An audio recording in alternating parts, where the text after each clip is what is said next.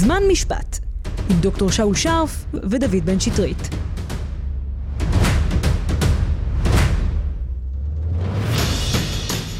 שלום לכם, אנחנו זמן משפט, הפודקאסט המשפטי של רדיו קולגת. שלום שאולי, מעניינים. מעולה, מה שלומך דוד? ברוך השם. גם היום אנחנו ממשיכים לעסוק בבחירות לכנסת, והפעם נדבר על הפרדוקס הדמוקרטי מצד אחד, הזכות של כל אזרח בין 21 ומעלה להיבחר לכנסת, ומנגד, הצורך של הדמוקרטיה להגן על עצמה. שאולי, לפני שתסביר לנו איך היא עושה את זה פה בארץ, איך היא מגנה על עצמה, נתחיל אולי מהמובן מאליו. למה בכלל דמוקרטיה צריכה להתגונן? טוב, אז uh, הביטוי הזה, דמוקרטיה מתגוננת, זה בדרך כלל ביטוי שלומדים אותו גם uh, בלימודי אזרחות, mm-hmm. ובטח uh, בלימודי uh, משפט חוקתי, זה ביטוי שחוזר על עצמו, בעיקר בכל מה שנוגע לפסילת uh, מועמדים ומפלגות uh, לכנסת. דמוקרטיה זה מנגנון שמאפשר uh, לכל אדם, אזרח במדינה, לבוא ולהציע את uh, מרכולתו, את uh, תפיסותיו הפוליטיות, כדי שיבחרו בו. אבל מה קורה אם מישהו משתמש במנגנון הזה כדי לפגוע במנגנון בעצמו? כלומר, אתה משתחל לתוך הפרלמנט, לתוך הכנסת, במקרה שלנו, ומחוקק חוקים שמבטלים את הדמוקרטיה, או בעצם פוגעים באפשרות של האזרחים לבחור ולהיבחר. הדמוקרטיה אומנם היא פתוחה ומבוססת על פלורליזם ועל אה, שוק של רעיונות, אבל אם אחד מהרעיונות בא וחותר תחת הדמוקרטיה עצמה, הדמוקרטיה יש לה את הזכות לבוא ולהתגונן ולהגן על, על עצמה מפני הקוראים להשמדתה או לפגיעה בה. וזה נשמע רעיון שהוא מאוד מאוד מופרך, ואנחנו, זה נראה לנו רחוק מאיתנו, אבל רק נזכיר שבמאה הקודמת, המשטר הנאצי והיטלר עשו שימוש במנגנון הדמוקרטי כדי להפוך לדיקטטורה. כן, זה אחת הדוגמאות שתמיד משתמשים בו. אגב, בגרמניה לאחר מכן השתמשו בביטוי של דמוקרטיה לוחמת. כלומר, אה, מה שהם שם נלחמים כדי להגן על הדמוקרטיה. Mm-hmm. פה בישראל מסתפקים במה שנקרא בדמוקרטיה מתגוננת, שזה כאילו ביטוי רך יותר לזכות הדמוקרטיה לעמוד uh, על uh, כנה. אני לא כל כך אוהב את הדוגמה הספציפית הזאת, כי זו דוגמה mm-hmm. שתמיד משתמשים בה נכון. כדי להזכיר לנו שהדמוקרטיה יכולה להוביל mm-hmm. בסוף לשלטון דיקטטורי. טוב, ברור, אבל גם לא צריך את הדמוקרטיה בשביל שיבוא מישהו ובסופו של דבר יחסל את כל uh, נציגינו ויעמוד uh, בראש המדינה. נכון, צריך לשים לב שאנחנו באים ונותנים כלים ומשאבים לנציגי ציבור לקדם רעיונות ותפיסות עולם, שזה כמובן לא יבוא על חשבון המנגנון עצמו שהביא אותו להתקדם ולהגיע לאותו מקום שנותן לו את הכוח הזה. אבל בסופו של דבר, אני לא חושב שהדמוקרטיה אשמה בכך שהיטלר עלה לשלטון. Mm-hmm. כן, אם בסופו של דבר הסנטימנט של העם הגרמני היה מספיק חד לזהות, או לא היה רוצה שלטון מלוכני שהוא היה רגיל אליו עד אה, לאותה תקופה, הוא היה פשוט uh, מונע ממנו, כמובן, uh, ליטול את כל הסמכויות השלטון ועל הדרך לחסל את כל מתנגדיו. הדמוקרטיה, כמובן, יש לה את השבריריות הזאת, שהיא יכולה בהסוואה או באיזשהו מסווה של רצון להגן על זכויות הפרט או לקדם ערכים אה, ליברליים, לבוא וכמובן לפגוע באותם ערכים. נקודה מעניינת שצריך לציין זה שמדובר בישראל, אנחנו לא מדברים רק על דמוקרטיה מתגננת, אנחנו מדברים על עוד סט של ערכים שאנחנו לא ניתן על ידי אותה, mm-hmm. אותו מנגנון דמוקרטי לפגוע בהם. אז אילו מנגנונים באמת קיימים בישראל בהקשר הזה?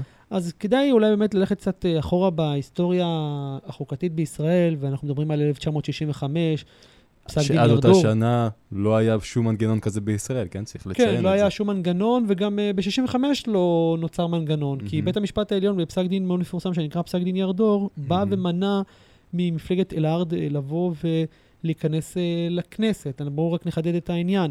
ועדת הבחירות לכנסת זה בעצם הוועדה שמאשרת uh, את המפלגה לרוץ לכנסת. כל מפלגה צריכה את אישור ועדת הבחירות המרכזית. באה מפלגת אלארד, מפלגה שבאה וביקשה להשמיד את המדינה. עכשיו, לא להשמיד, לפוצץ אותה. הכוונה שהיא ראתה את שטחי המדינה כשטחים שצריך לבוא ולוותר על ריבונות ולהחזיר אותם למדינות ערב, או להפקיר אותם למדינות ערב. שאלה, שאלה באיזה צד של המצפה הפוליטית אתה מסתכל על הדברים. אני מדבר על 1965, אני לא מדבר על אה, יהודה ושומרון ואחרי מלחמת ששת הימים. ובשלב הזה הוועדת הבחירות לכנסת אמרה, תודה רבה, לא, הדבר הזה הגיע לבית המשפט העליון, ובית המשפט העליון, אגב, לא, ברוב, לא בקונצנזוס, שני שופטים מול שופט, באו וקבעו שיש למדינה את הזכות לעמוד על אה, אה, חייה, ולא לאפשר את אלו שמבקשים לחסלה, לתת להם להיכנס לתוך הכנסת אה, באמתלה של בחירות ודמוקרטיה, הם יבואו וינסו לקדם אג'נדה שהוביל לפירוקה של המדינה או להפקרת אה, ריבונות וויתור ריבונות על שטחים אה, שהמדינה מחזיקה בהם. ואת זה הוא עושה ללא הסמכה בחוק. ללא הסמכה בחוק, וכמובן השופט חיים כהן, זה דעת מיעוט, בא וקבע ש... אפילו יכול לקרוא לכם את הקטע בעצמו, הוא אומר, במדינה אשר בה שולט החוק אין שוללים זכות מאדם, ויהיה הוא הפושע, המסוכן והבוגד והנבזה ביותר, אלא בהתאם לחוק בלבד. לא ועדת הבחירות המרכזית ולא בית המשפט, זה מחוקקים במדינה הזאת. הכנסת היא הרשות המחוקקת, והיא אשר מסמיכה את מוסמכיה עם רצונה בכך. לעשות לאיש כדרכה וכפרי מעל עליו. ואז הוא אומר, בהיעדר הסמכה כזאת מאת המחוקק, לא ההיגיון, ולא הכורח, ולא אהבת המולדת, ולא שום שיקול אחר, יהיה אשר יהיה, מצדיקים עשיית דין על דעת עצמו ושלילת זכות הזולת.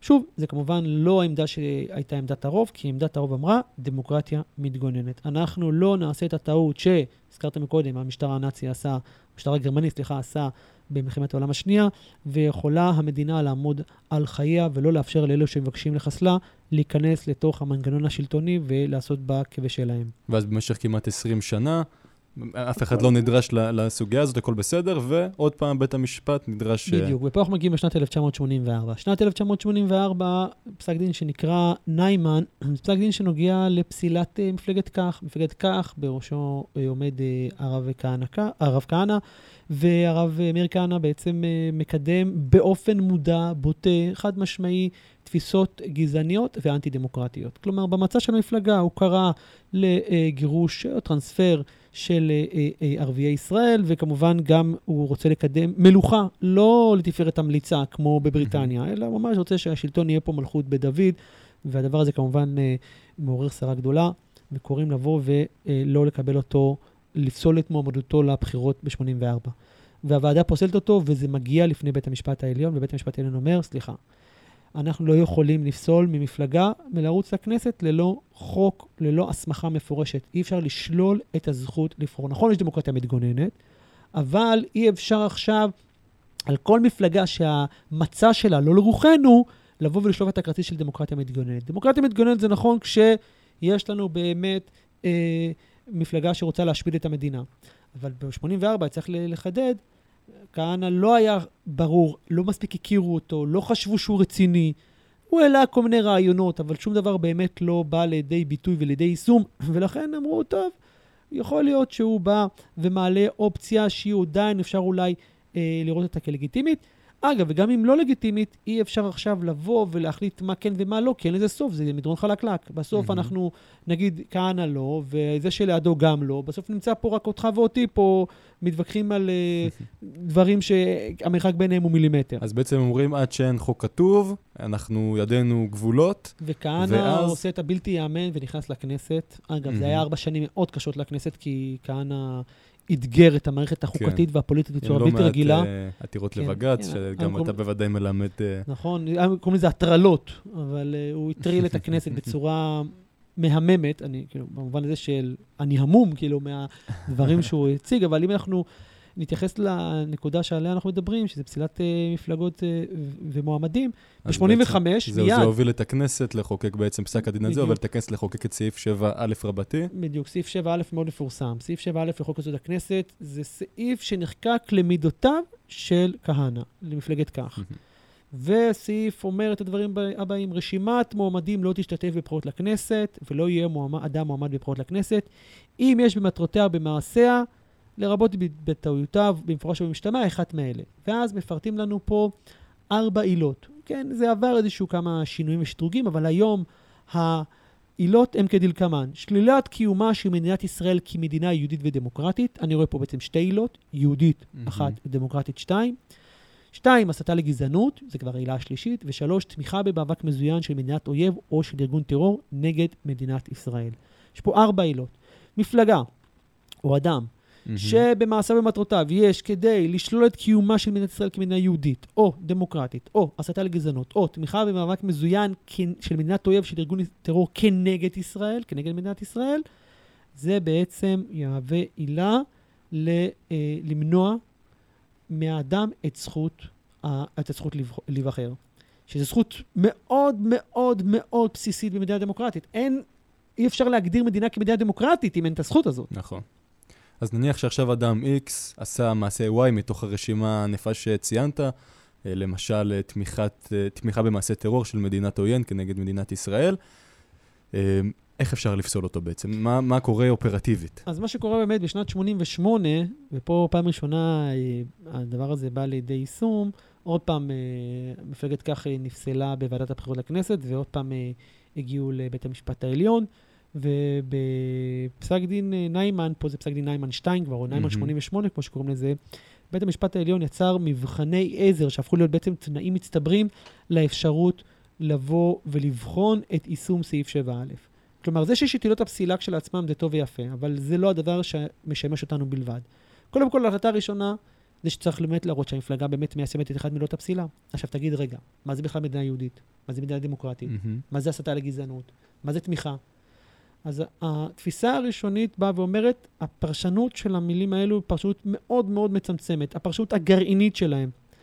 יש כאלה יגידו, שמע, מדינה יהודית זה מדינה שמקדמת את התורה, וכל מפלגה שהיא יוצאת נגד התורה, זה לא, זה, היא שוללת את קיומה של מדינת ישראל כמדינה יהודית.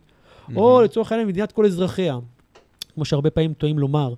מדינה, מי שבא ורוצה לקדם שוויון במובן הזה שאין ליהודי עדיפות אפילו ברמה של, אה, במרחב הציבורי, בסמליה ובסמלים התרבותיים והמורשתיים של ישראל, גם זה מפלגה שהיא שולטת במדינת ישראל כמדינה יהודית.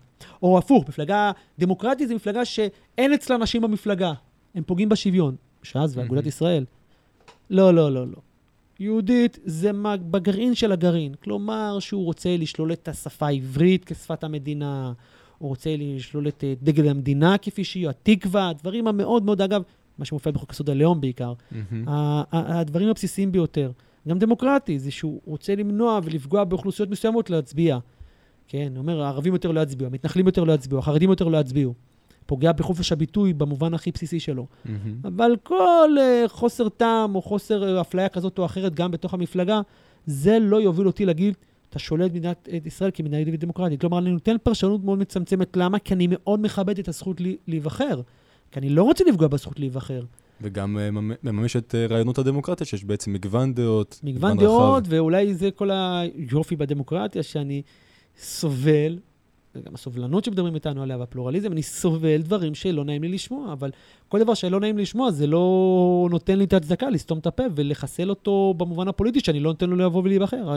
הפגיעה היא כפולה כשאני מונע ממישהו להיבחר. אני גם מונע ממנו וגם פוגע בקהל המצביעים שלו, שאין להם את הנציג שאותו הם רוצים לשלוח. אני פוגע גם בזכות לבחור גם. אבל זה רק המבחן עזר הראשון. במבחן עזר השני קובעים שצריך להראות שאותה עילה זה בעצם יעד מרכזי ושליט בתוך הרשימה, בתוך המפלגה. לא מדובר במשהו צדדי, שולי, איזוטרי, אלא זה בעצם המצע שלהם, זה האג'נדה של המפלגה. זה כדי לפסול מפלגה, אבל כיום יש אפילו אופציה לפסול אה, בן אדם. כן, אותו. דבר, זה גם להראות שזה מה- זה מה שעומד במרכז התפיסה שלו, שזה בעצם אה, אחד. מהרעיונות שמובילים אותו, וזה הטיקט שעליו הוא רץ. כן. שלוש, צריך להראות שהמפלגה ממש פועלת למימוש המטרות האלו. כלומר, איך אומרים, אוהבים הרבה לדבר, אבל באמת לא עושים שום דבר. כן, מה הם דיברו? הם דיברו דיבורים. כן, הפרלמנט, פרלה, מדברים, מדברים, מדברים, אבל לא עושים שום דבר. לא, אתה רואה מפלגות, או, או עמותות שעומדות מאחורי מפלגות, שבאמת פועלות, מקדמות בצורה אקטיבית את האג'נדה, לא רק מדברות. ארבע, הן רואות, אותן מפלגות רואות את הכניסה לפרלמנט כאמצעי מרכזי לקידום המטרות האלו. כלומר, יש כאלה שיוצאים לכנסת בשביל הכבוד, בשביל הפאסון, בשביל הדאווין, בשביל הפרסומת. יש כאלה שאומרים, לא, אני רוצה להיכנס לכנסת כי אני רוצה לחוקק חוקים כדי שישראל לא תהיה מדינה יהודית או מדינה דמוקרטית. מהמם. פה, פה, פה, פה אני ממש מפחד כבר, זה לא מדובר פה באיזשהו אה, שחקן, דחליל, שהוא רק עומד ומאיים ואין לו באמת את הכוח, אלא הוא באמת מתכוון לשנות פה את המשטר הישראלי. מהמם.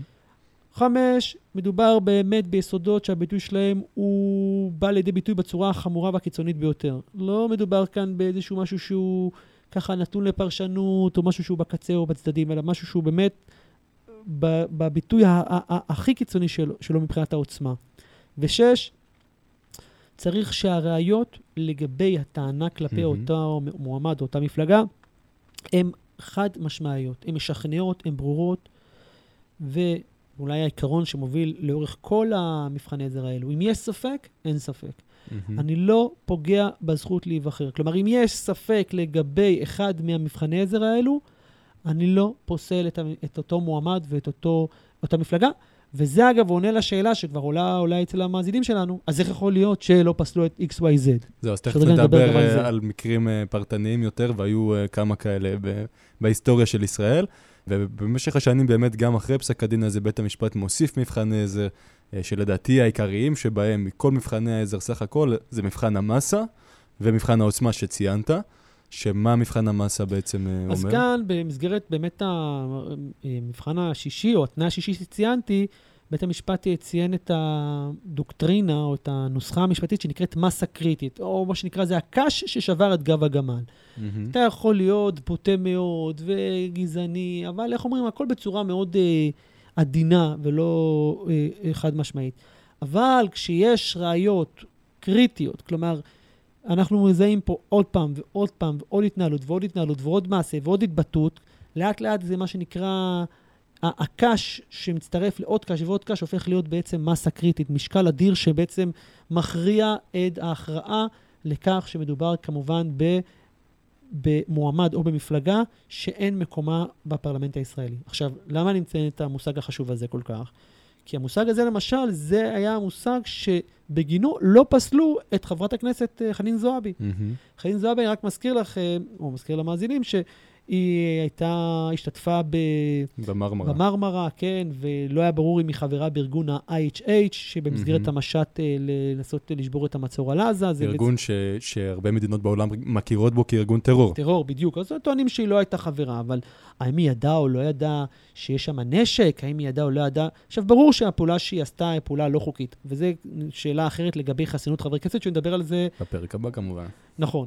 אבל מה לגבי אה, רצונה לפגוע באושיות המדינה, לפגוע בבסיס אה, של קיומה של המדינה?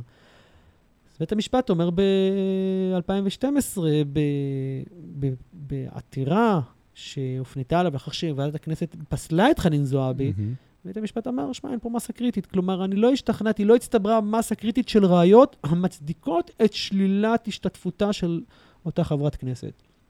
כלומר, היא הגיעה כמעט עד לקצה, היא לא הצליחה להשיג את הקש ששבר את גב הגמל.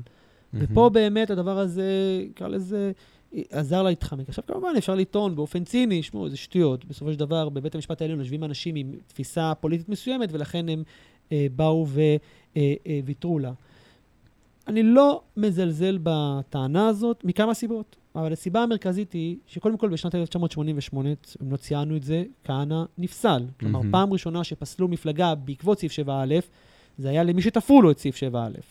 את uh, מפלגת כך. יש כבר מפלגת ירדור ב-65, אבל מהמם. אני מדבר על סעיף 7א. אחר כך, כמעט במשך אה, 30 שנה, למרות שהיו ניסיונות לפסול גם את אה, אחמד טיבי וגם את חנין זועבי, ואגב, גם הצד השני, היה ניסיונות לפסול את אה, מיכאל בן ארי ואת, אה, ואת. אה, אפילו את בן גביר, לא צלחו האפשרויות האלו עד זה- 2019. זאת אומרת, זה נחסם בוועדת הכנסת בעצם. לא, הפוך, בוועדת הכנסת דווקא פסלו. פסלו אותם, ובבית כן. המשפט, בית המשפט העליון חסם את זה. ובית המשפט אה, העליון אה, אה, לא, לא, לא, וזה גם נקודה חשובה שצריך לציין, שמגיעה עתירה לבית המשפט העליון לגבי אישור על החלטת ועדת הבחירות, זה בין המקרים הבודדים, נראה לי מתוך שני המקרים היחידים בחוק יסוד הכנסת, שבו המחוקק שולח אותנו ל- לבית המשפט העליון. ואני אסביר. בכל מקרים שאנחנו מכירים ביקורת שיפוטית על התנהלות הכנסת או הממשלה, אנחנו תמיד טוענים, או לפחות אנשים כמוני, מי שמכם להחליט אה, לרשות המחוקקת או המבצעת מה נכון, מה לא נכון. פה בסעיף 7א, בסעיף קטן ב', בא ואומר החוק במפורש, החלטת ועדת הבחירות המרכזית כי מועמד מנוע מלהשתתף בבחירות טעונה אישור בית המשפט העליון. עכשיו, זה סעיף שהוא מהמם בעיניי, מדהים. למה? כי זה סעיף שאומר, המחוקק, אני לא סומך על ועדת הבחירות לכנסת, הרי ועדת הבחירות לכנסת לפני הבחירות. מורכבת מחברי כנסת. בדיוק, מורכבת מחברי כנסת, אומנם בראש הוועדה עומד אה, שופט עליון, הוא יושב ראש, ה- מהמם. אבל כולם זה חברי כנסת, וכולם עושים פוזות על ה... על ציבור הבוחרים. בדיוק, והימין על השמאל, והשמאל על הימין, והאמבוש אחד שלם. ואומרת הוועדה, אומר בעצם המחוקק, אני מכיר את עצמי, לא סומך לעצמי. אני רוצה את אישור בית המשפט העליון, לא פחות ולא יותר. אם אני פסלתי מועמד, אני רוצה אישור. עכשיו שים לב, המחוקק יודע להגיד מתי הוא צריך את בית המשפט העליון. ושהוא צריך, הוא אומר. מפה Mhm. מה אני לומד? שהוא לא אומר, שבשאר הזמן, אל תתערב שאר לי. המקרים, מכלל הן, שומע עליו, מה אתה מתערב לי? המחוקק אה, מספיק חכם, ואומר, שמע, אני לא סומך על עצמי. אני רוצה את בית המשפט אני רוצה אישור, אני רוצה את הגננת, שתיתן לי את האלף. זה נקודה אחת. לכן כל פעם שיש פסילה של מועמד, כל המועמדים השונים, נדרש אישור של בית המשפט העליון. בדיוק.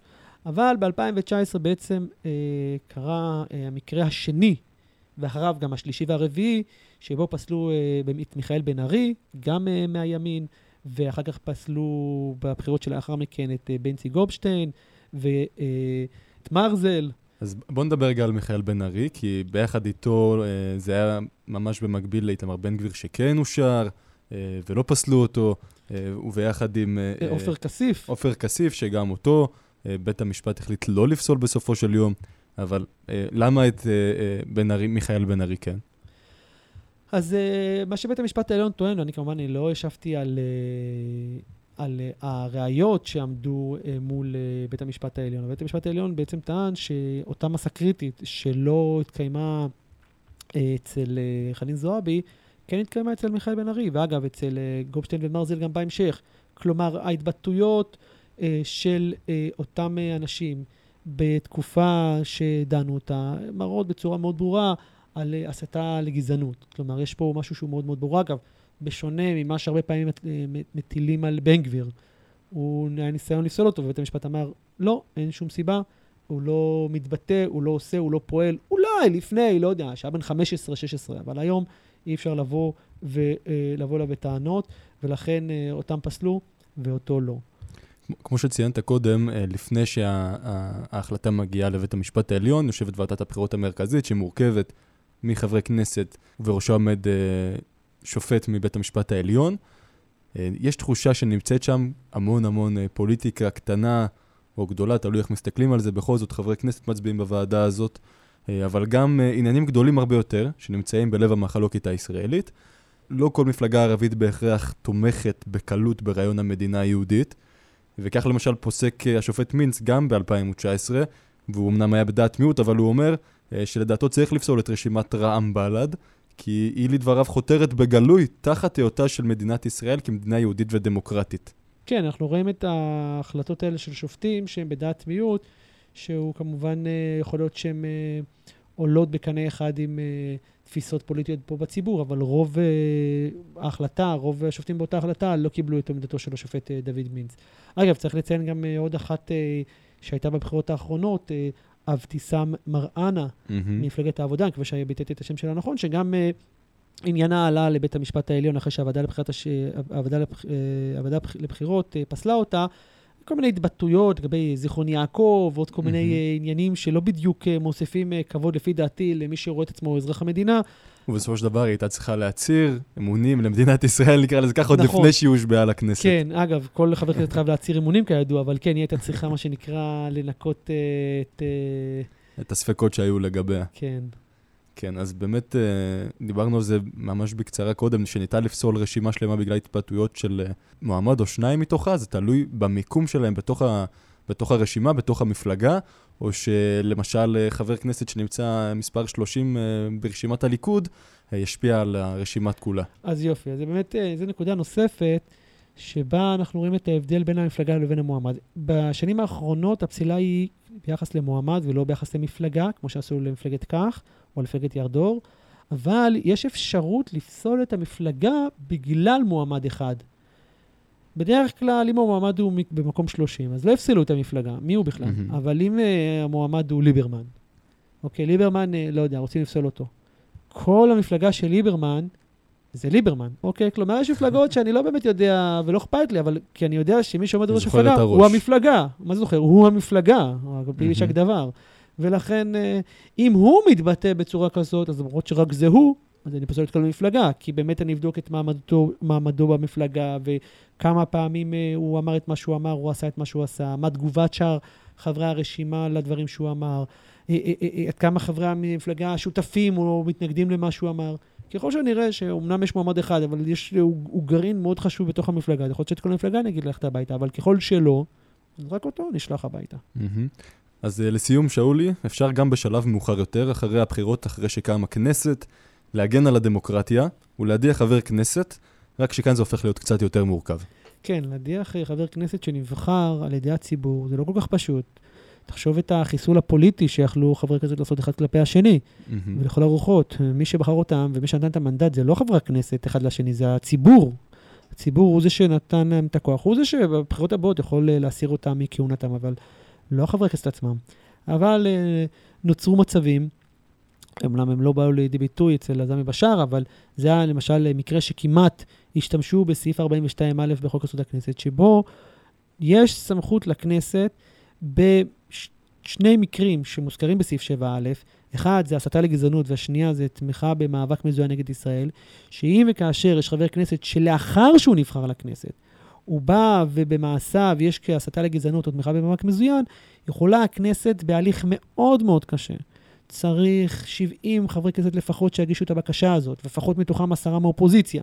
וצריך שהוועדת הכנסת שדנה בבקשתם, שלושת רבעי מתוכם יחליטו ויאשרו את זה, בדרך כלל מספיק רוב רגיל. מהמם. וצריך 90 חברי כנסת מהמם. שיסכימו להפסיק את כהונתו של חבר הכנסת. שים לב, וזה כל זה כמובן שאין לנו בית משפט ששופט אותו, כי אם יש בית משפט ששופט אותו, אז ברגע שמרשיעים אותו גמרנו. הרשעה של חבר כנסת אה, מפסיקה את כהונתו, חבר כנסת שהורשע בעבירה שיש עימה קלון, והרשעתו הפכה להיות אה, החל- החלטה חלוטה. אבל מה קורה אם הוא נעלם? מה קורה אם אפשר להביא אותו לדין? מה קורה עד שיגמר בית המשפט? ואתה אומר, שמע, בן אדם כזה בוגד אה, בעמו במדינתו, איך אני יכול לתת לו להמשיך אה, לכהן בתור חבר כנסת? או שהוא מסית לגזענות בצורה שגורמת למדנים ויכולה פה לגרום למלחמת אזרחים. לכנסת יש את הסמכות הזאת, אבל זו סמכות שהיא מאוד מאוד נדירה ומאוד מאוד קשה, אבל גם היא קיימת. אז נותרו עוד כמה ימים עד שהרשימות uh, הסופיות יוגשו uh, לכנסת. Uh, לתחושתי, גם השנה אנחנו נראה עד הדקה האחרונה בוודאי. ניסיונות לפסול uh, מועמדים. איך אני אתאכזב אם לא? זה מה שהופך את כל הסיפור להרבה יותר מעניין. לגמרי, לגמרי. אז זהו, עד כאן להיום זמן משפט. בפרק הבא נעסוק בנושא רלוונטי לא פחות. חסינות חברי כנסת והקלון שהם כל כך מפחדים ממנו. ובצדק. תודה רבה לכם שהייתם איתנו, תודה שאולי. תודה רבה, דוד. יאללה ביי. ביי.